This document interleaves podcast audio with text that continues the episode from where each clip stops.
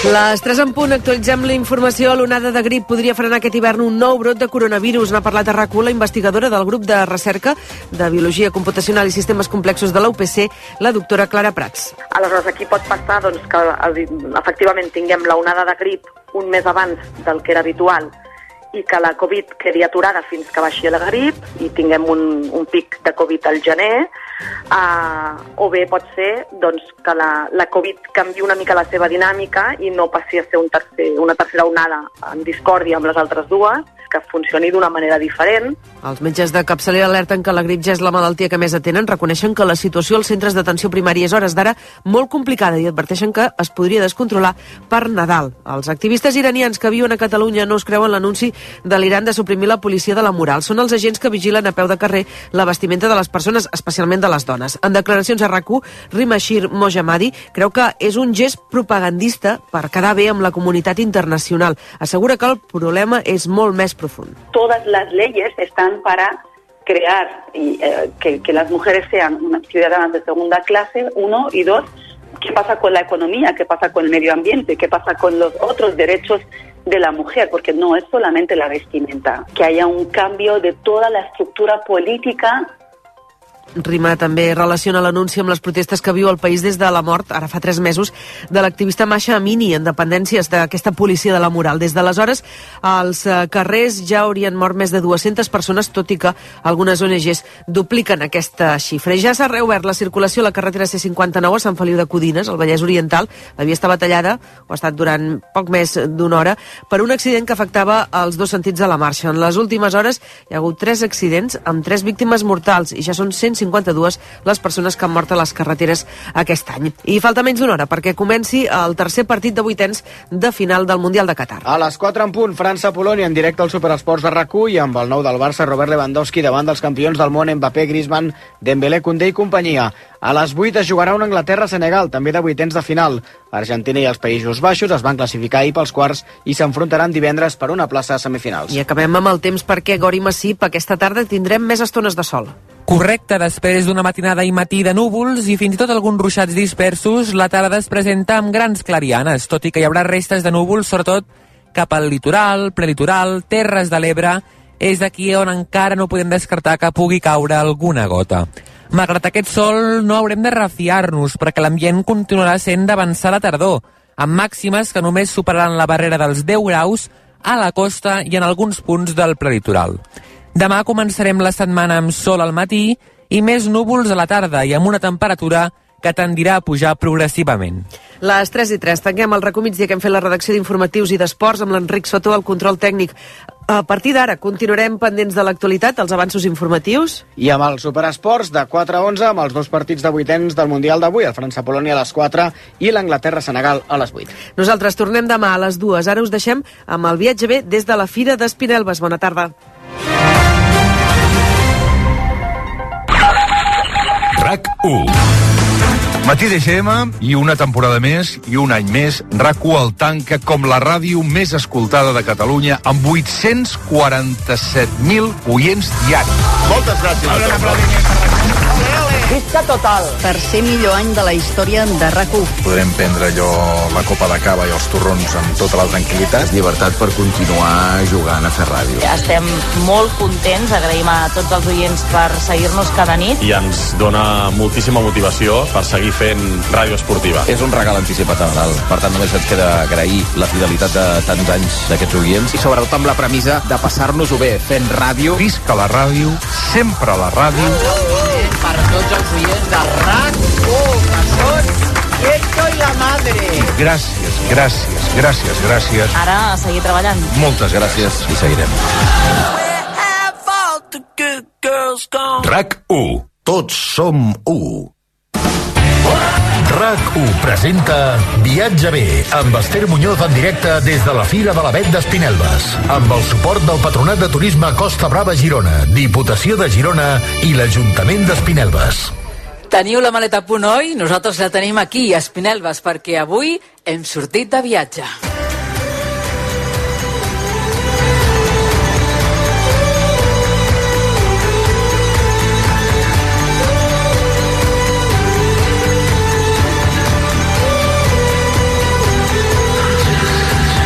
Bona tarda a tothom des de la 41a edició de la Fira de l'Avet d'Espinelves. Us saludem des de la plaça de les Quinzenades d'aquest poble romànic situat a la comarca d'Osona, que pertany a la demarcació de Girona. Una vila de només 200 habitants que es troba entre el Montseny i les Guilleries, on cada any es dona el tret de sortida al Nadal i per la que fins al proper 11 de desembre passaran milers de persones com nosaltres. El Xavi Cupido, el nostre realitzador tècnic, a la Isabel Vinaixa, la coordinadora d'esdeveniments de rac i a mi mateixa ens fa molta il·lusió ser-hi a una de les fires de Nadal més concorregudes de Catalunya. Durant la propera hora el que volem és descobrir la història d'aquesta fira, quines són les seves parades, conèixer el terme municipal, els afores, suggerir-vos també moltes idees d'escapades per les comarques gironines per si aquest pont de la Puríssima, aquaducte per alguns, o les festes en nadalenques voleu venir per la zona. Per cert, també us volem dir que la sortida d'avui és molt especial per nosaltres perquè amb ella celebrem els 45.000 oients que té el viatge bé. I és que segons les dades de l'EGM, que es van publicar dijous, som els líders absoluts en la nostra franja horària dels dissabtes de 3 a 4 de la tarda i hem batut el nostre propi rècord d'audiència que havíem aconseguit al juliol. Així que moltes gràcies a tots els oients que viatgeu amb nosaltres cada cap de setmana i avui a gaudir d'Espinelves i les comarques gironines. Comencem!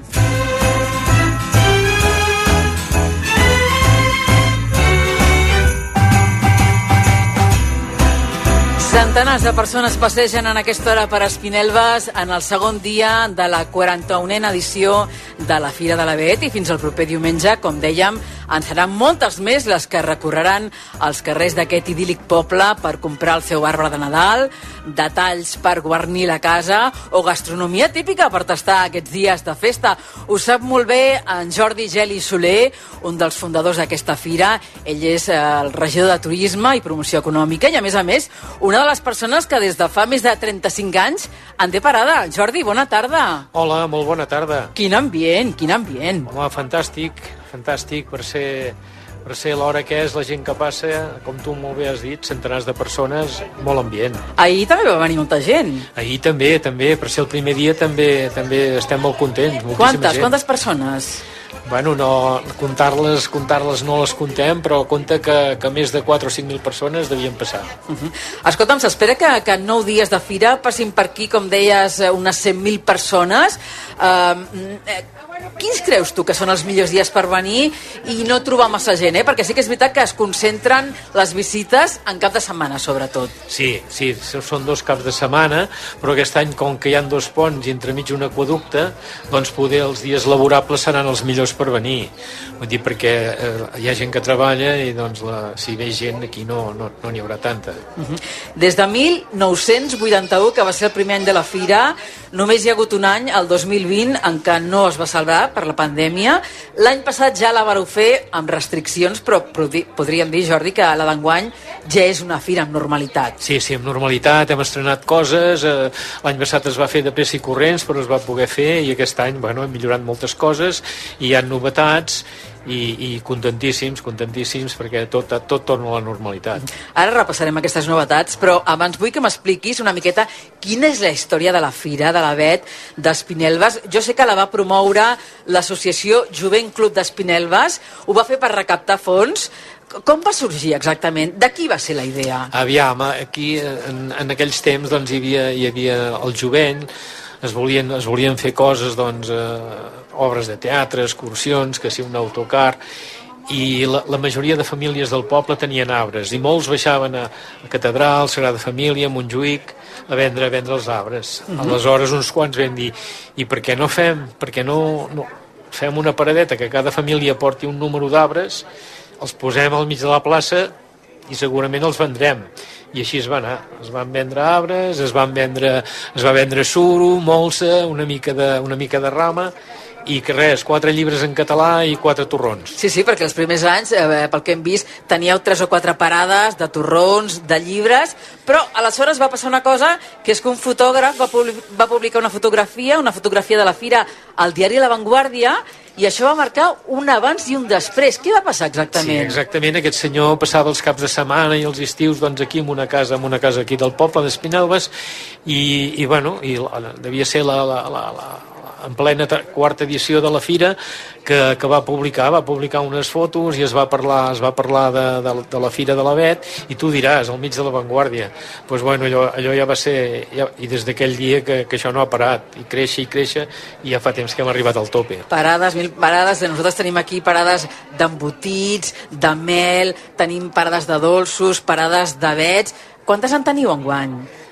N'hi ha a, a tocar el centenar, són 90 i pico de llargues i, bueno, i les més importants són les de l'Avet. Eh? Vull dir, tot Quantes en teniu Tot l'altre complementa, però el més important aquí és la, per, per el nom és Fira de l'Avet. Quantes n'hi ha d'avets? D'avets n'hi ha 9, 9 parades. I els avets que comercialitzeu són tots d'aquí, d'Espinelves, de Rodalies? Tots són conreats entre Montseny Guilleries i pràcticament més de la meitat del terme municipal d'Espinelves. Quines varietats trobarem? Majoritàriament hi ha, hi ha la normaniana, el majoanis, l'avis excelsa, i aquestes poder són les tres varietats més comuns. N'hi han més, eh, però no, no, no acabaríem de dir varietats. La vostra encara la teniu, no? Sí, sí, i ara la veritat és que en aquesta família hi ha un nano jove que ho està, ho està riant, eh, i el majoanis doncs, tu comença a agafar força i cada vegada n'hi ha més, eh? I, bueno, i esperem que d'aquí uns anys doncs, eh, que es mengi el mercat. Uh -huh. Parlem una mica de caganers, perquè una de les novetats de la Fira d'enguany és que estreneu la vostra mascota, que és precisament una figura de caganer que ha dissenyat en Marc Alós Pla, que és el fundador del portal caganer.com, que ell ha estat venint durant molts anys eh, aquí a la Fira d'Espinelves, tot i que aquest any no hi és. Fa dos anys que no hi és, eh, ha estat més de 32 anys vinguent, i jo no voldria, no, no sé si seria mentida que els orígens van ser aquí, però bueno, l'altre dia va inaugurar la tercera botiga a Barcelona, en té una a Madrid, una altra a Girona. Bueno, és un no parar, els caganers estan invadint estan invadint les Espanyes i Europa, em sembla. I com és el vostre caganer? El nostre caganer és la mascota, eh, la mascota que n'hi ha, ha diferents pel, pel, pel poble i l'hem convertit en caganer. I, bueno, i és una manera doncs, de rellençar la, la cultura catalana, el caganer, el tió, que és una cosa nostra que a l'estranger no saben, no saben d'on ha sortit això, però quan ho veuen queden estranyats. Uh -huh. Després, una altra de les novetats de la Fira d'enguany és la mostra artesanal d'oficis d'antics, no? Sí, que... Aquest és un altre reclam de, de l'edició d'enguany. Aquest any és poder el millor que hi, ha, que hi ha en aquesta fira, doncs que hi ha, hi ha artesans d'oficis antics eh, i tots, tots catalogats i amb un carnet d'artesà de, de la Generalitat i es posen tots en, el, en el, aquest carrer de baix eh, i bueno, això és, és preciós de veure com, com un treballa el ferro, l'altre la pedra, l'altre el vidre... Bufadors, vidriers, espardenyers, cistellers... No hi falta de res, eh? Esclopers de, de tot. També hi ha molta cultura, molta activitat cultural. Bueno, això és el que volem, que la fira, que la fira no, no es converteixi en un mercat de calaf. Eh? Vull dir que, que, que surti cultura i coses per la mainada arreu, arreu de la fira. Fareu una cantada de Nadal, eh, segons he vist el programa, no? Amb vuit corals barcelonines convidades. Correcte. Quan això serà, serà això? Això serà demà dilluns. Demà dilluns a les 12 del migdia. On? Aquí davant, aquí davant mateix. Entre a la, la plaça de les Quinzenades. Exacte. Ells estaran a dalt, entre la iglesia i el, i el teatre, i, bueno, i el que vulgui escoltar les Nadales, doncs a baix, a baix a la plaça. Aquesta és la cita. Bé, s'ha de dir, eh, Jordi, que la Fira d'Espinelves és prou coneguda arreu de, de Catalunya. Va ser inaugurada ahir per eh, l'exvicepresident del Parlament, Josep Costa. Per ella han passat en altres edicions, per exemple, en Carles Puigdemont, la Carme Forcadell... Eh, a ells els heu reconegut amb la Bet d'Or i ho heu fet per la seva tasca social. Aquest any ha estat el torn de l'actor i presentador Quim Masferrer, el presentador del programa El Foraster de TV3, que va recollir ahir aquest guardó. Per, per què heu decidit donar-li amb ell? Bueno, el foraster, foraster per nosaltres no és foraster, perquè aquí va fer, va fer uns dels primers forasters i ja, ja ha vingut molt sovint, és, és fill de, de Sant Feliu de, de Buixalleu. És d'aquí prop, sí, sí. I bueno, ens feia molta gràcia. A més a més és, és independentista a tope, eh, i lluita per, per la nostra terra De I fet, bueno. en Quim nosaltres l'havíem convidat a venir avui, no ha pogut eh, ser-hi perquè està amb la seva obra, amb el seu espectacle, amb la bona gent avui a Ibars Urgell, però sí que ens ha deixat un missatge, ens ha, ens ha explicat, Jordi, com ha rebut el premi. A mi m'ha fet moltíssima il·lusió, perquè mm, a part que a Espinelves hi vam fer-hi un foraster, vam retratar el que és la Fira de la Bet a través de la seva gent, i la gent és fantàstica perquè la gent s'entrega i t'ho dona absolutament tot. Jo, la veritat és que aquest tipus de reconeixements, com aquest de, de la, de la Bet d'Or, de, la, de la Fira d'Espinelves, de, de la gent d'Espinelves, a mi em fa eh, gairebé, diria, més il·lusió que qualsevol dels altres premis que et puguin arribar a donar. Ho dic de veritat, eh? És a dir, i, i mira que, que tenim la sort de tenir un Ondas, de tenir el Premi de la Institució de les Lletres Catalanes, que, que mm, hem, hem tingut molts reconeixements, però quan és un reconeixement d'això d'un poble petit i que, i que a més eh, em consta que ho fan amb, la, amb tota l'estimació i que estan molt contents del, del programa i la meva vinculació amb Espinelves, doncs eh, gairebé, gairebé, t'ho dic de veritat, eh? És d'aquests reconeixements que passa per sobre a d'altres que segurament tenen molta més pompa o, me, o, o molt més nom. Li ha fet il·lusió, eh? Moltíssima, moltíssima il·lusió. A més a més, ahir anava amb la nena petita, amb la, la Chantal. Molt bé. Molt bé. Escolta'm, eh, vosaltres eh, ara mateix eh, voleu demanar que la Fira d'Espinelves rebi la Creu de Sant Jordi. Per què? Per què voleu aquest premi? Bueno, perquè volem, no sé, volem com una mica de, de reconeixement, eh? vull dir, hi ha moltes associacions i coses doncs, que ja el tenen, i bueno, de moment el demanem, si ens, si ens el donen, doncs, pues, eh, pues ja serà, serà millor, no? Però de moment el demanem. Doncs escolta'm, a veure si l'any vinent tornem aquí als de rac a, a la Fira d'Espinelves i ja teniu la Creu de Sant Jordi. Bueno, si ja la tenim ja, ja us l'ensenyarem. Seria fantàstic. Jordi Geli Soler, un dels fundadors d'aquesta Fira de la Bet d'Espinalbes. Moltíssimes gràcies eh, per convidar-nos avui, per acollir-nos i, escolta'm, eh, ens veiem l'any vinent. Doncs molt bé, moltíssimes gràcies i fins a la propera edició. Que sigui un èxit. Adéu. Gràcies.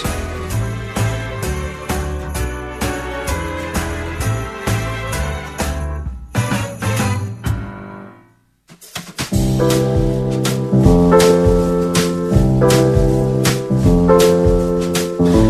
Aquest matí, quan veníem en cotxe cap a Espinelves amb la Isabel Vinaixa i el Xavi Copido, hem comprovat que el poble està envoltat de boscos, d'alzines, de roures, de vets, de castanyers, on, segons ens han dit, a la tardor s'hi poden trobar una gran varietat de bolets. De fet, a les afores de la vila hi ha l'arbreda de Mas Joan, per on també hem passat, que és el conjunt d'arbres monumentals més gran de Catalunya, amb exemplars, atenció, de més de 40 metres d'alçada.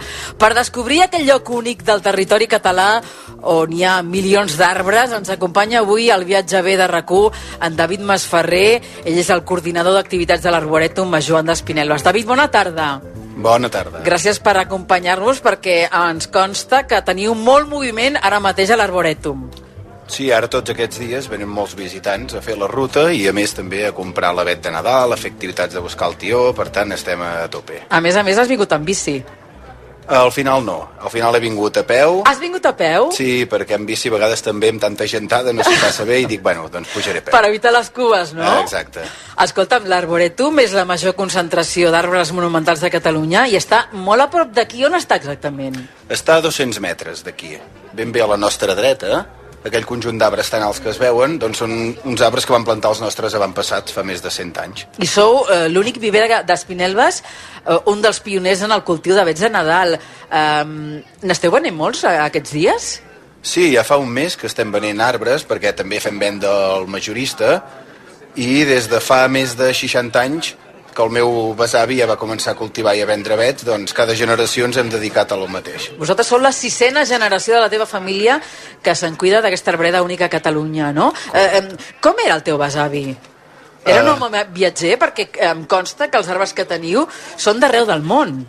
Sí, eh, tots ells van ser plantats per al germà d'un rebesavi, que era naturalista i botànic, que es deia Maria Masferrer, i després de viatjar a Califòrnia, doncs va veure les sequoies de Califòrnia, que són els arbres que arriben a créixer més del món, i va quedar tan impactat doncs, que ho va voler eh, plasmar aquí en aquest poble, perquè eh, una mica el tipus de terra que hi ha aquí, el clima i tot, és molt favorable, també per les sequoies gegants, i totes les que va plantar van créixer doncs, molt més de lo normal. Dèiem que teniu milers d'arbres. De quina extensió estem parlant, no? Com és el vostre espai? El nostre espai és un espai en què hi hem marcat un recorregut circular d'un quilòmetre i hi ha unes 8 hectàrees. I en aquestes 8 hectàrees hi podem veure espècies d'avets, de cedres, sequoies, pins, pícies, criptomèries, també espècies autòctones d'aquí, i en total, doncs, sis generacions hem anat plantant diferents varietats i, i cada generació doncs, va, va tenint cura d'aquests arbres. Són una mica com les mascotes de la família. Un recorregut que ens farà estar mirant tota l'estona cap al cel, perquè clar, amb aquestes alçades...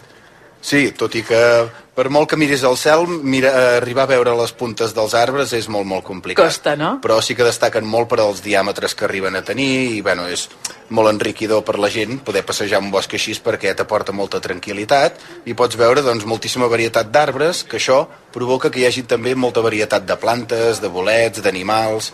Per tant, els arbres és un element principal perquè llavors hi hagi tota la resta. Repassem una miqueta, no?, quins arbres teniu. Per exemple, el cedre blanc de Califòrnia. Aquest és de l'any 1911 i pel que he vist fa 49 metres d'alçada. Però també teniu, com deies, una sequoia gegant que fa 2 metres de diàmetre i 44 d'alçada. Com és aquest arbre? Bé, la, el cedre blanc de Califòrnia és el més alt de tots, que fa 49 metres, i no, no destaca molt per, per la seva amplada, però sí que té, ha assolit en els últims anys, sobretot, una alçada increïble, i la resta han crescut molt doncs, perquè en el seu moment, com que els meus avantpassats també eren silvicultors, és a dir, feien plantació d'arbres eh, eh, en el bosc, arbres forestals, doncs ja sabien amb quines distàncies els havien de plantar els uns dels altres perquè creixessin més d'ample o creixessin més d'alt. Perquè tinguessin espai. Exacte, s'ha fet una gestió forestal, que és una part molt important per mantenir els boscos de manera sana, la gestió forestal, doncs ells la van fer eh, amb espècies doncs, de tot el món. La sequoia gegant pot ser que estigui declarada Patrimoni Natural de Catalunya? Sí, exacte. Des de fa molts anys, els, el, des del Departament de Medi Ambient, es van medir aquests arbres, eh, es van catalogar i es van protegir. Uh -huh. Després hi ha també l'avet de Vancouver i cedres de rècord del Líban, de l'Himalaya i de l'Atlas. Sí, en total hem arribat a tenir fins a 13 varietats amb rècords d'altura a Catalunya. Entre elles també hi ha varietats autòctones, com és el tiler més alt de Catalunya i l'alzina més alta, però el que destaquen més són els avets de Vancouver, també hi ha un cedre del Líban, un cedre de l'Himalaya, un de l'Atlas, per tant, aquí es pot veure eh, moltíssima, moltíssima varietat. Parlant d'avets, pot ser que el teu besavi fos qui va proporcionar els primers avets que es van vendre a la primera fira d'Espinelves?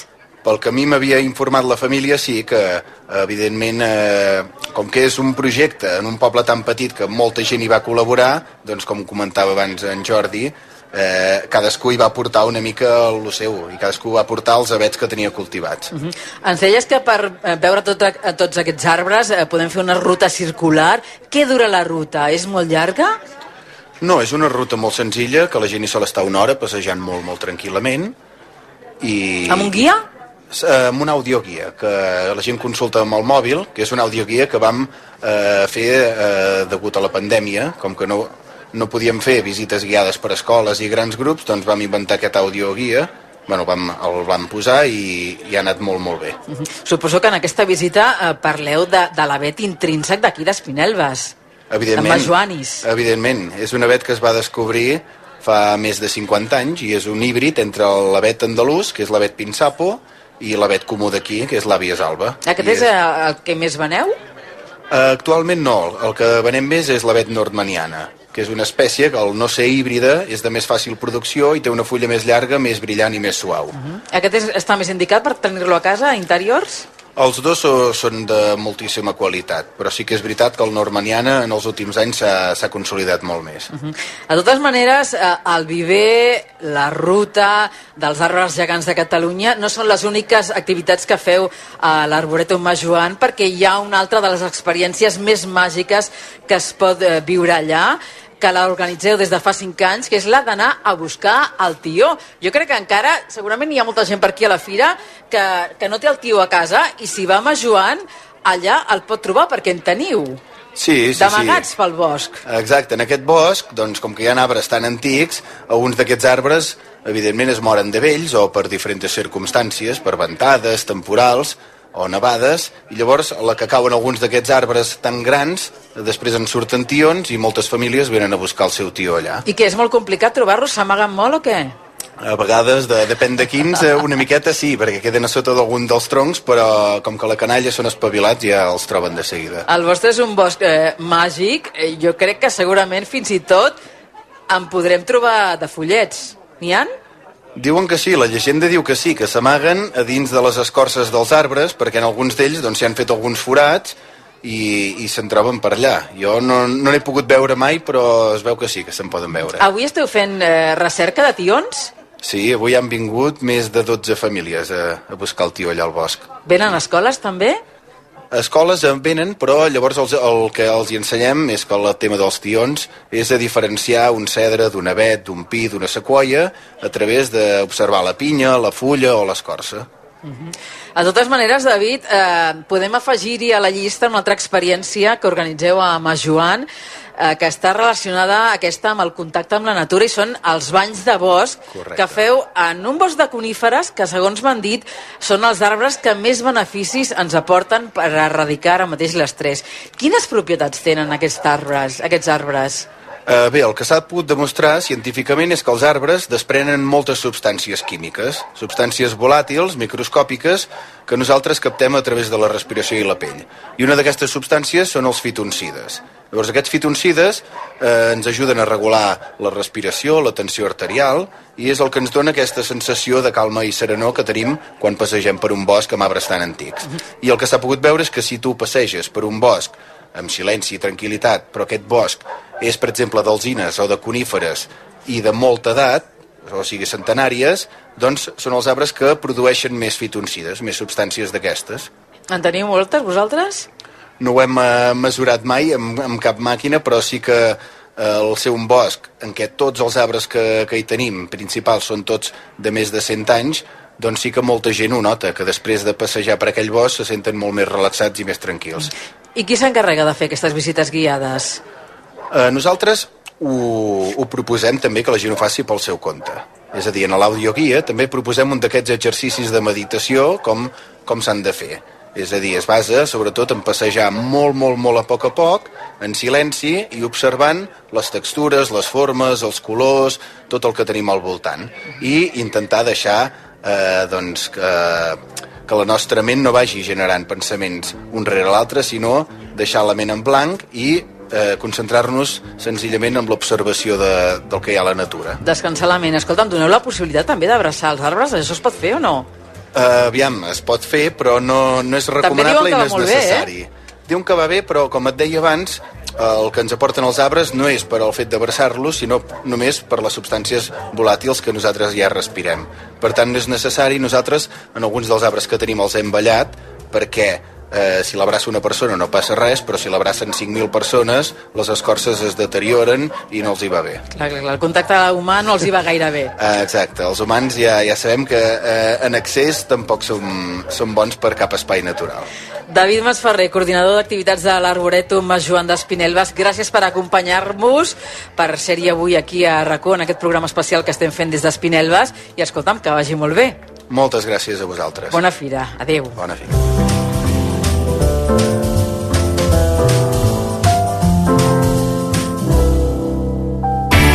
RAC1 t'està oferint Viatge bé, amb Esther Muñoz en directe des de la Fira de l'Avet d'Espinelves. Amb el suport del Patronat de Turisme Costa Brava Girona, Diputació de Girona i l'Ajuntament d'Espinelves. RAC1 del 3 a l'11 de desembre, Fira de l'Avet d'Espinelves, la festa de l'arbre de Nadal. Compra l'arbre que més t'agradi. Passejant trobaràs parades d'artesans, torrons, formatges, embotits. I podràs gaudir d'activitats i espectacles musicals. Del 3 a l'11 de desembre torna la Fira de l'Avet d'Espinelves, la festa de l'arbre de Nadal. A aquestes festes, Casa Tió cuina per tu. Tria entre un gran ventall de carns fresques servides a diari i de plats casolans per als teus àpats. Farcits, espatlles, canelons... Sorprèn amb els nostres lots de Nadal o amb el regal de productes de proximitat. I amb la targeta de fidelització pots acumular descomptes per a la propera compra. Casa Tió, ramaders i carnissers des de 1916. RAC1 t'està oferint Viatge bé, amb Esther Muñoz des de la Fira de l'Avet d'Espinelves. Amb el suport del Patronat de Turisme Costa Brava Girona, Diputació de Girona i l'Ajuntament d'Espinelves. Amb la col·laboració de Casa Tió.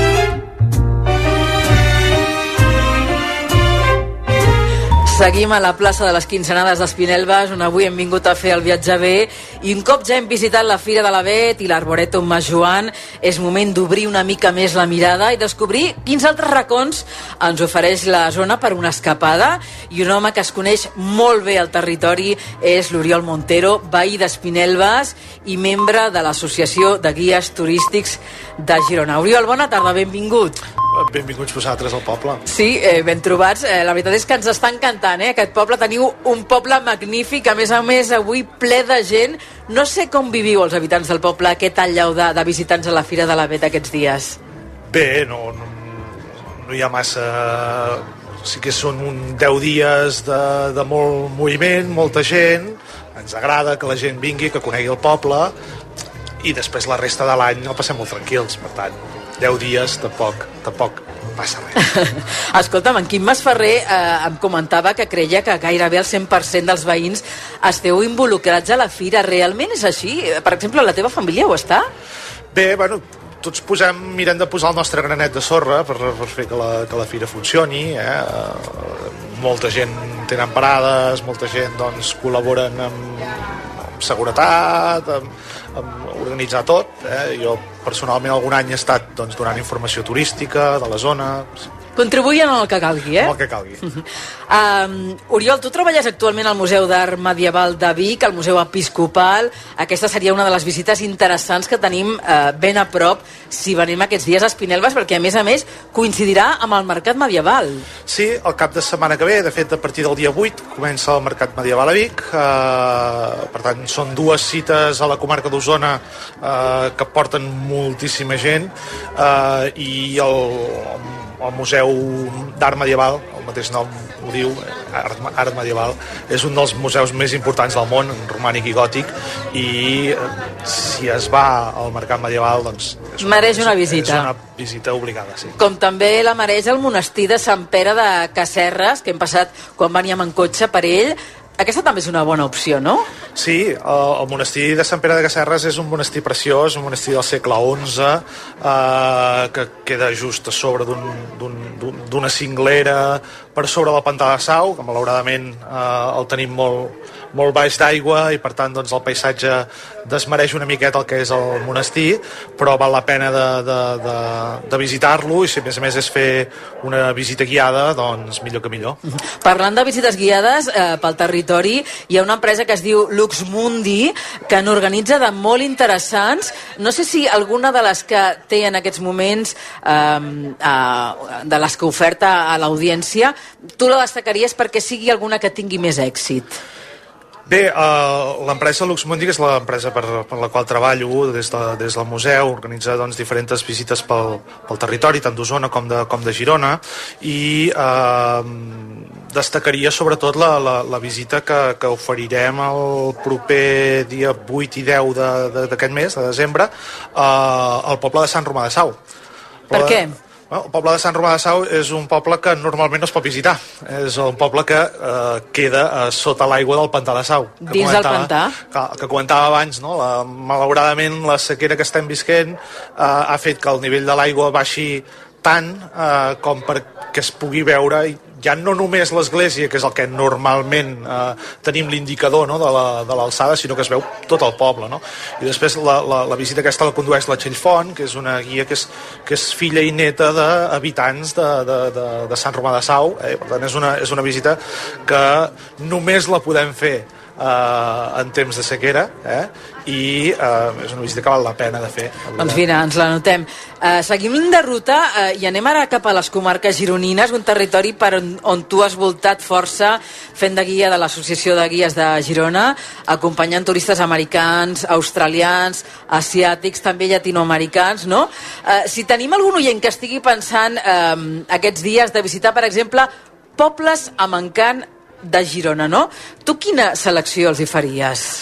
Bé, la, la, la, la província de Girona ofereix eh, moltíssims, moltíssims recursos, eh? eh? a part de la, de la pròpia capital de Girona, tenim moltíssims poblets eh, al voltant, doncs, per exemple, el Ripollès, doncs, tots els pobles de la Vall de Camprodon, o el poble de Beget mateix, que és un poble molt bonic, eh, a la Garrotxa podríem anar a Santa Pau, als Hostalets d'en Bas, Besalú, eh? Besalú sí que és un poble ja més conegut, potser més turístics, eh, i la Costa Brava, que sembla que només es pugui visitar la Costa Brava per, per durant l'estiu i anar a la platja, doncs no, la Costa Ara Brava... és un bon moment, eh? Perquè ara trobarem sí, sí. poca gent, eh? Trobarem poca gent eh, i a més a més doncs, hi han pobles preciosos, eh?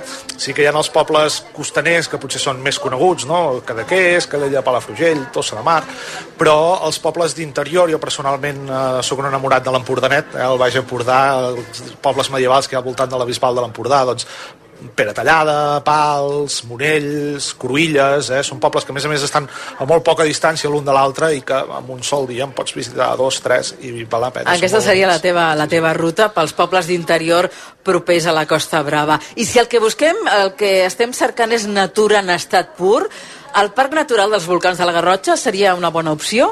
Sí, els parcs natural, el Parc Natural dels Volcans de la Garrotxa doncs, tenim, queda a més a més al costat del poble de Santa Pau, bueno, el poble de Santa Pau queda a dins del, del Parc Natural.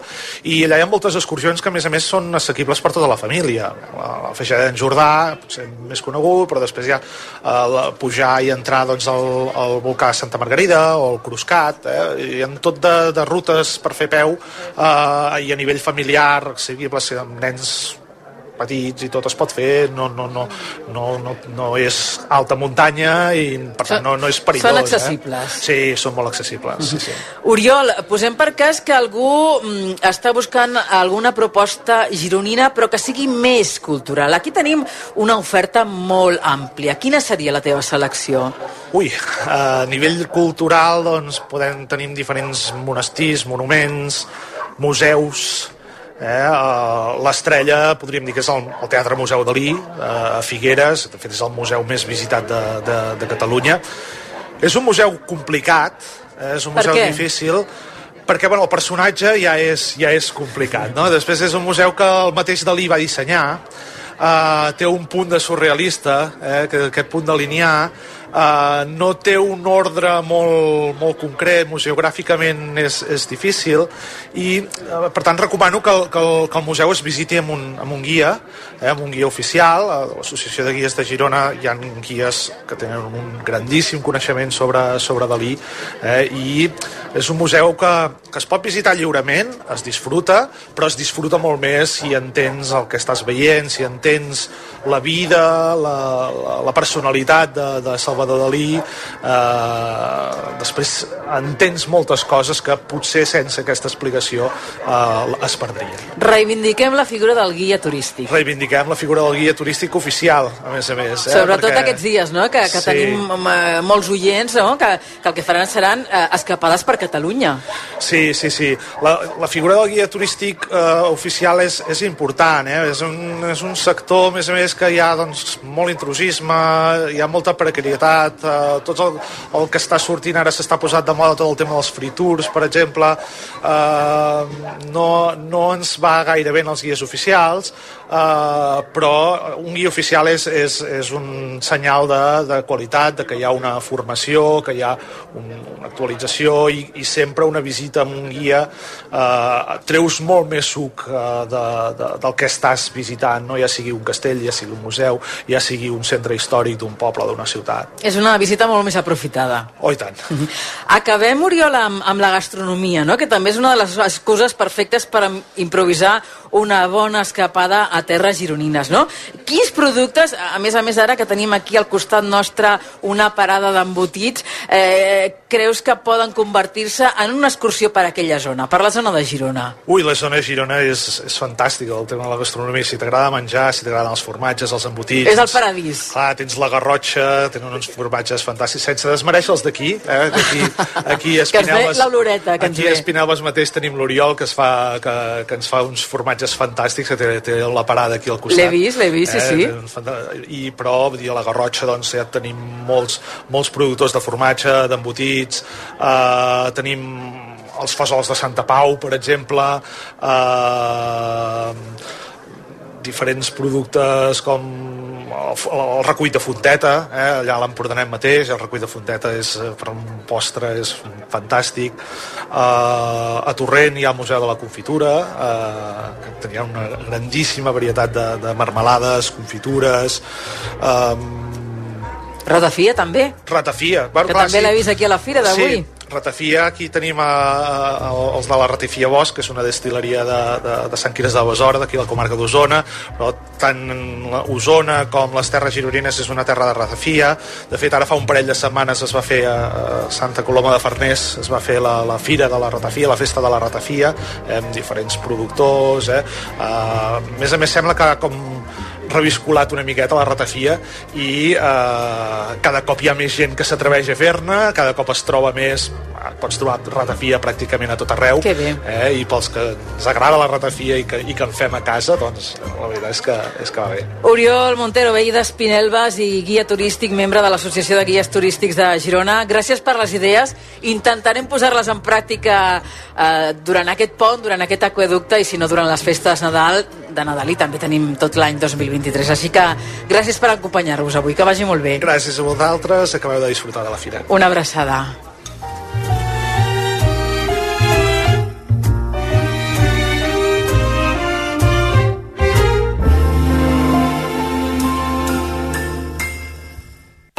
Del 3 a l'11 de desembre, Fira de l'Avet d'Espinelves. La festa de l'arbre de Nadal. Compra l'arbre que més t'agradi. Passejant trobaràs parades d'artesans, torrons, formatges, embotits. I podràs gaudir d'activitats i espectacles musicals. Del 3 a l'11 de desembre torna la Fira de l'Avet d'Espinelves. La festa de l'arbre de Nadal. A aquestes festes, Casa Tió cuina per tu. Tria entre un gran ventall de carns fresques servides a diari i de plats casolans per als teus àpats. Farcits, espatlles, canelons... Sorprèn amb els nostres lots de Nadal o amb el regal de productes de proximitat. I amb la targeta de fidelització pots acumular descomptes per a la propera compra. Casa Tió, ramaders i carnissers des de 1916. RAC 1. Del 20 de novembre al 18 de desembre... The 222 FIFA World Cup is Qatar. El Mundial de Futbol de Qatar es juga a RAC1. Viu la gran festa del futbol cada dia i cada nit a la ràdio. Tots els partits de la selecció espanyola amb Toni Clapés i l'equip del versió RAC1. Toma! Vamos, Espanya! Com és possible, això? Com és possible? De dilluns a divendres, dos partits cada dia a RAC més 1. Els caps de setmana, Superesports Especial Mundial amb partits en directe. Tota la informació, minut a minut amb els enviats especials i l'anàlisi cada jornada al Tu dirà.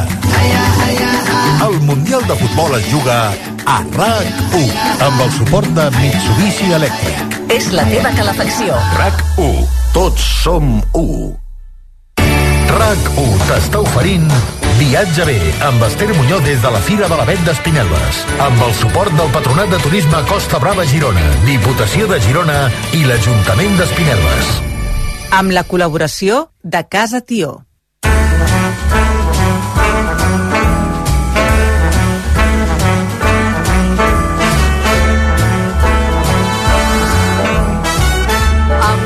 Amb Montero hem recorregut una part de les experiències turístiques que les comarques gironines ens ofereixen aquests dies de Pont de la Puríssima i festes de Nadal, però el ventall d'opcions és encara molt més ampli. Per mirar d'oferir-vos algunes idees més, ens acompanya ja al viatge bé el senyor Jaume Dolçat, vicepresident del Patronat de Turisme Costa Brava Girona i alcalde de Lloret de Mar. Amb ell volem repassar les novetats en l'oferta turística de les destinacions Costa Brava Pirineu de Girona pel 2023, però també saber, eh, per exemple, com serà la temporada de neu a les estacions d'esquí eh, del Pirineu gironí. Senyor Dolçat, bona tarda. Bona tarda. Molt bona tarda. Gràcies per venir fins a Espinelves. Ha arribat bé? M'ha arribat bé, bueno, com sempre, i és una molt bona uh, causa. Hem hagut d'aparcar lluny, he hagut de caminar, i això vol dir doncs, de l'èxit d'aquesta 41a Fira de l'Avet, per tant, és una molt bona sensació haver de caminar perquè vol dir que la cosa va bé. Sí, sí, el convidat anterior ha vingut caminant també des de l'Arboretum perquè ha dit, jo no me la jugo, eh? Perquè si vinc en cotxe trobaré cua i després no podré aparcar i no, no arribaré a temps. Bé, aquest pont de la Puríssima, aquaducte per als afortunats que s'hagin pogut agafar alguns dies laborables, és una de les setmanes de l'any en què el sector turístic doncs, eh, té el calendari marcat en vermell perquè pot ser un molt bon revulsiu, no? Disposen vostès ja de dades d'ocupació al Patronat de Turisme Costa, Brava Girona? Doncs sí, tenim, tenim previsió de dades una mica sobre les reserves, encara que darrerament eh, tot va una mica darrere hora, la gent s'espera doncs, fins al final per acabar fer la reserva, sobretot el client de proximitat, però sí, sí, sí, sí que en tenim, el Pirineu en aquest cas de Girona, la Cerdanya i el Ripollès, esperem una ocupació mitjana del 65, potser una mica més, a la zona de l'interior de la Garrotxa i de la Selva, entre un 75 i un 80, a Girona capital, una mica més del 50%, i a la zona costanera, que evidentment no, no ens toca ara, els que són de costa ens toca hivernar, mai millor dit, però dins d'aquest entre el 10 i el 15% d'oferta disponible doncs estan una mica per sobre el 60 però de molt poques places, per tant també posem-ho en situació. Mm -hmm. Avui ens trobem, com dèiem, a la Fira de l'Avet d'Espinelves, és una de les cites ineludibles del Nadal a Catalunya, però s'ha de dir, senyor Dolçat, que a la demarcació de Girona han organitzat vostès un munt d'esdeveniments per celebrar les festes nadalenques. Eh? No les podrem repassar totes perquè necessitaríem 3 hores més de programa, però sí que li demano que, que ens pugui citar les més destacables. Quines serien? Home, sobretot, eh, i amb la línia del que dèiem, el que toca ara és mirar una mica terra endins i, per tant, aquells que són de costa o ens, ens aparquem. A la Garrotxa hi ha propostes espectaculars, per tant, a Olot, amb, amb tot allò que té a veure amb els cràters, amb el seu nou espai cràter i totes les activitats que organitza la gent de la Garrotxa, doncs hi ha moltes coses interessants.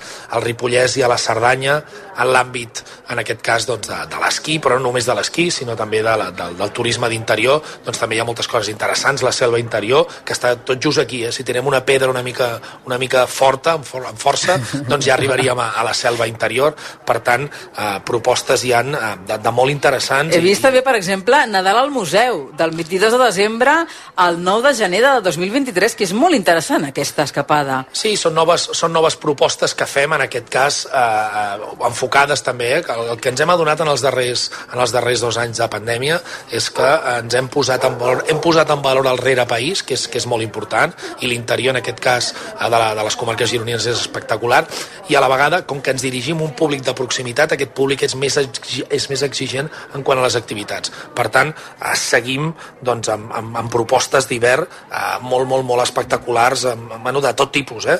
eh? rutes de senderisme de descoberta de rius de la Balagarrotxa, més l'espai cràter, que comentàvem abans com, com una nova proposta, eh, gaudeix eh, d'un sopar de l'alçada de la Costa Rassa, la Molina, eh, per tant, eh, coses com molt, molt ben segmentades, molt especialitzades i dirigides a un públic doncs, que sap molt bé el que vol perquè és de proximitat i coneix, i coneix l'espai. De fet, els oients que vulguin planificar escapades com aquestes que ens està comentant de proximitat, els hem de dir que el patronat posa a la disposició dels visitants dues plataformes que acumulen, atenció, prop de 250 experiències que es diu aviat a les destinacions Costa Brava i Pirineu de Girona. Són propostes creades per les empreses, per les entitats turístiques de la seva demarcació.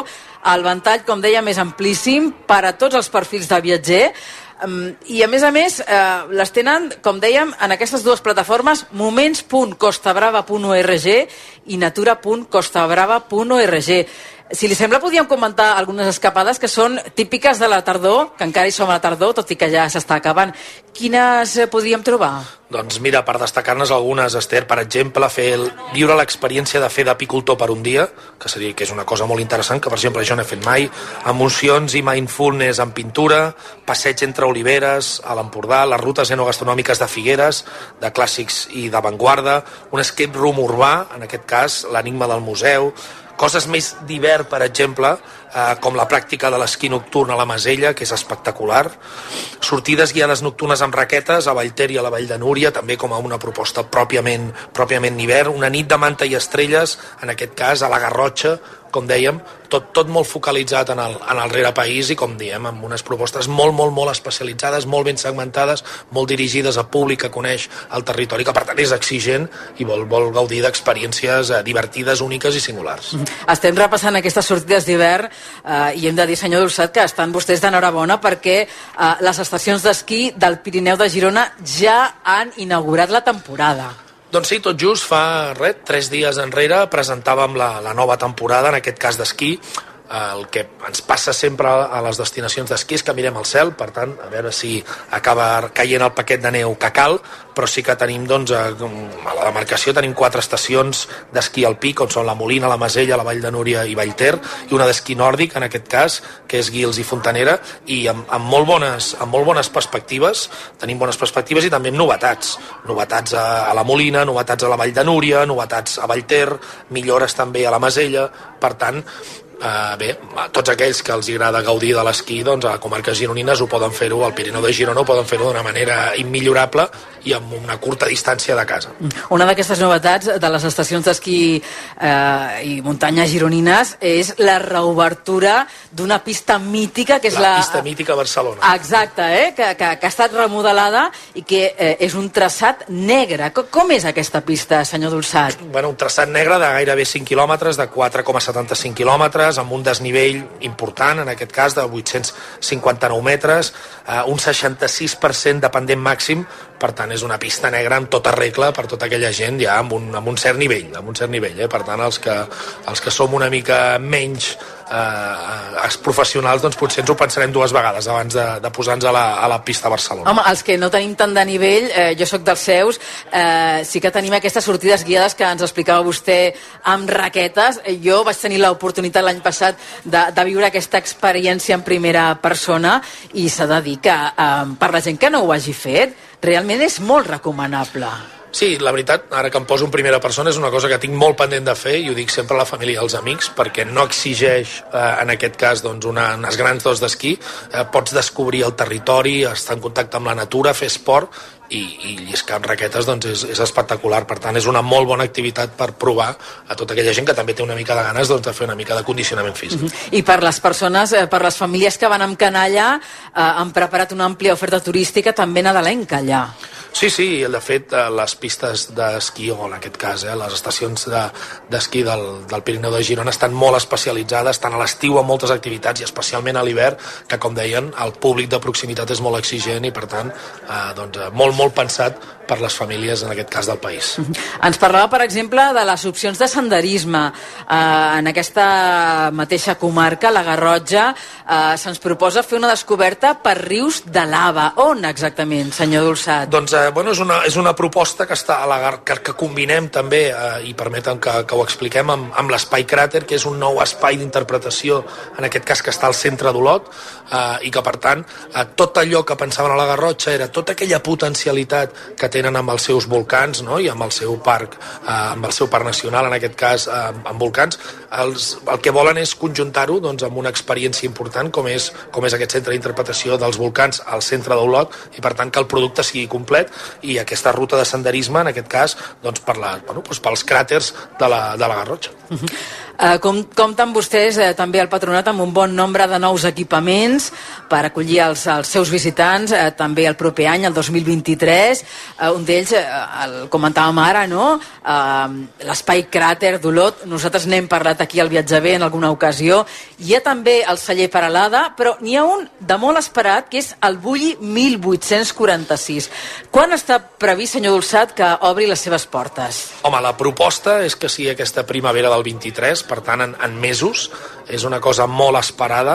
Eh, el que, el, tot allò que té a veure doncs, amb, el, amb el Ferran Adrià que és, un, bueno, és una persona molt especial és una persona amb una alçada eh, de, de mires amb un, eh, ell, ell traspassa tot allò que té a veure doncs, amb la cuina i ell doncs, està en un, en un espai mental que parla d'innovació, que parla de com els humans ens hem d'interrelacionar amb nosaltres i això doncs, el Bulli 1846 ho podrem veure aquest, aquest, laborat, aquest laboratori expositiu de, dins de la, de la Bulli Foundation que com diem doncs, serà, serà, bé, serà un dels hits de l'any que ve, de les novetats de l'any que ve a la destinació. Com també ho seran els germans Roca.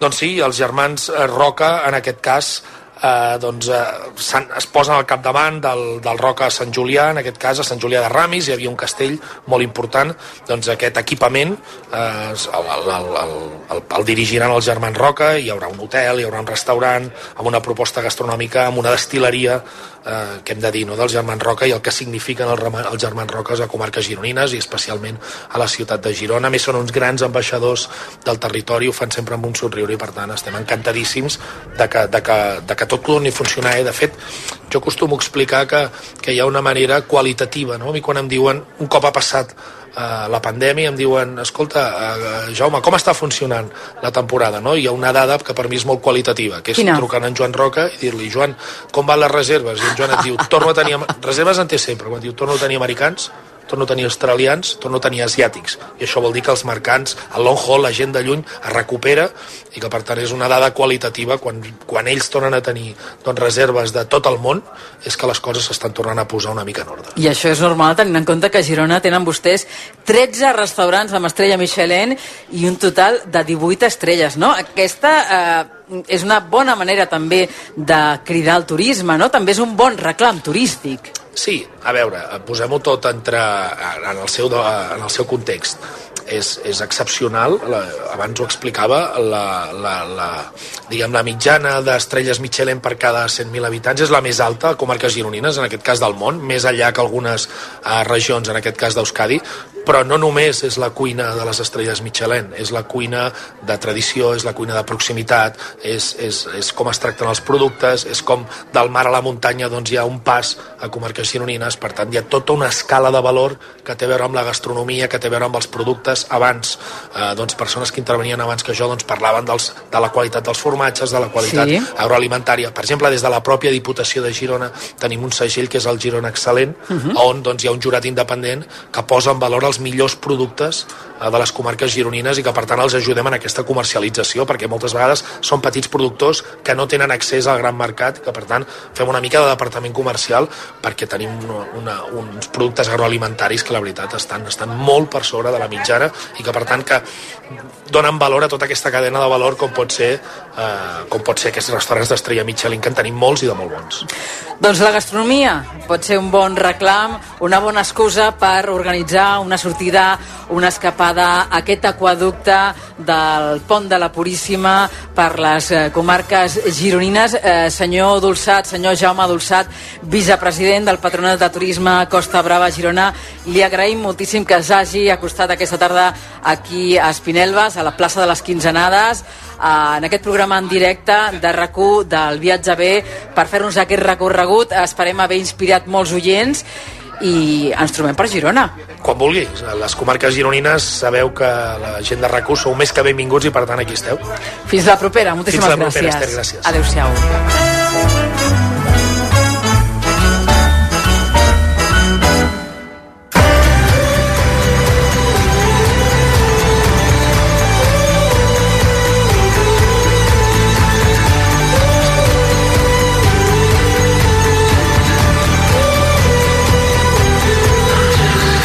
Fins aquí aquest viatge bé especial des de la 41a edició de la Fira de la Bet d'Espinelves. Ens ha agradat moltíssim venir fins aquí, visitar les parades, descobrir tot l'entorn, agafar idees per fer turisme pel territori i les comarques gironines i sobretot, com ens deia en Quim Masferrer, haver conegut la bona gent que hi ha a la zona. Així que només ens queda donar les gràcies a l'Ajuntament d'Espinelves per acollir-nos-hi, també al Patronat de Turisme Girona Costa Brava per haver fet possible aquesta sortida. Esperem que en vinguin moltes més, gaudiu del pont si en teniu i ens retrobem el proper dissabte 10 de desembre a les 3 i 3 de la tarda. Que vagi molt bé. Adéu-siau.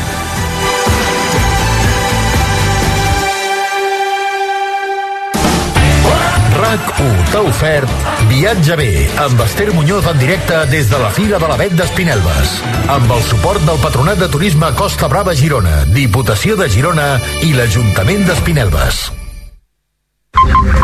RAC1 El torró solidari de rac i Torrons Vicenç arriba a la vuitena edició. Quina meravella, per favor. Dues versions. La clàssica de praliner d'avellanes amb neules i taronja i el cremós d'ametlla amb cookies. Està molt bo. Mm, Tots els beneficis obtinguts de la venda del torró de rac van íntegrament destinats a l'Hospital Sant Joan de Déu de Barcelona, a la investigació de les malalties minoritàries infantils. Podeu trobar el torró solidari de rac per només 7 euros a les botigues de Torrons Vicenç, als punts de venda detallats a rac1.cat i també a vicenç.com, la botiga en línia de Torrons Vicenç. Tots som... Torrots? Sí, sí.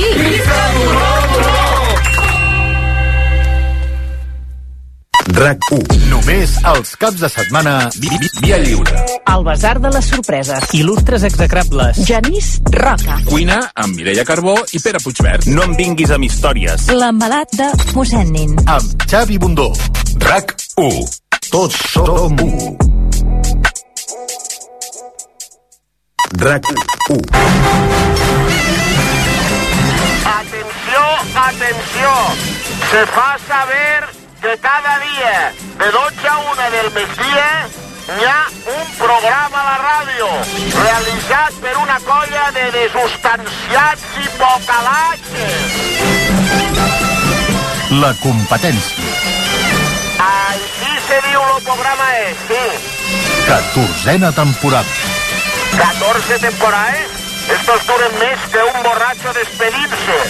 Amb Òscar Andreu i Òscar Dalmau. Carnuso! Jo ja t'us ho he dit. RAC 1. Tots som 1. RAC 1. Tots som 1.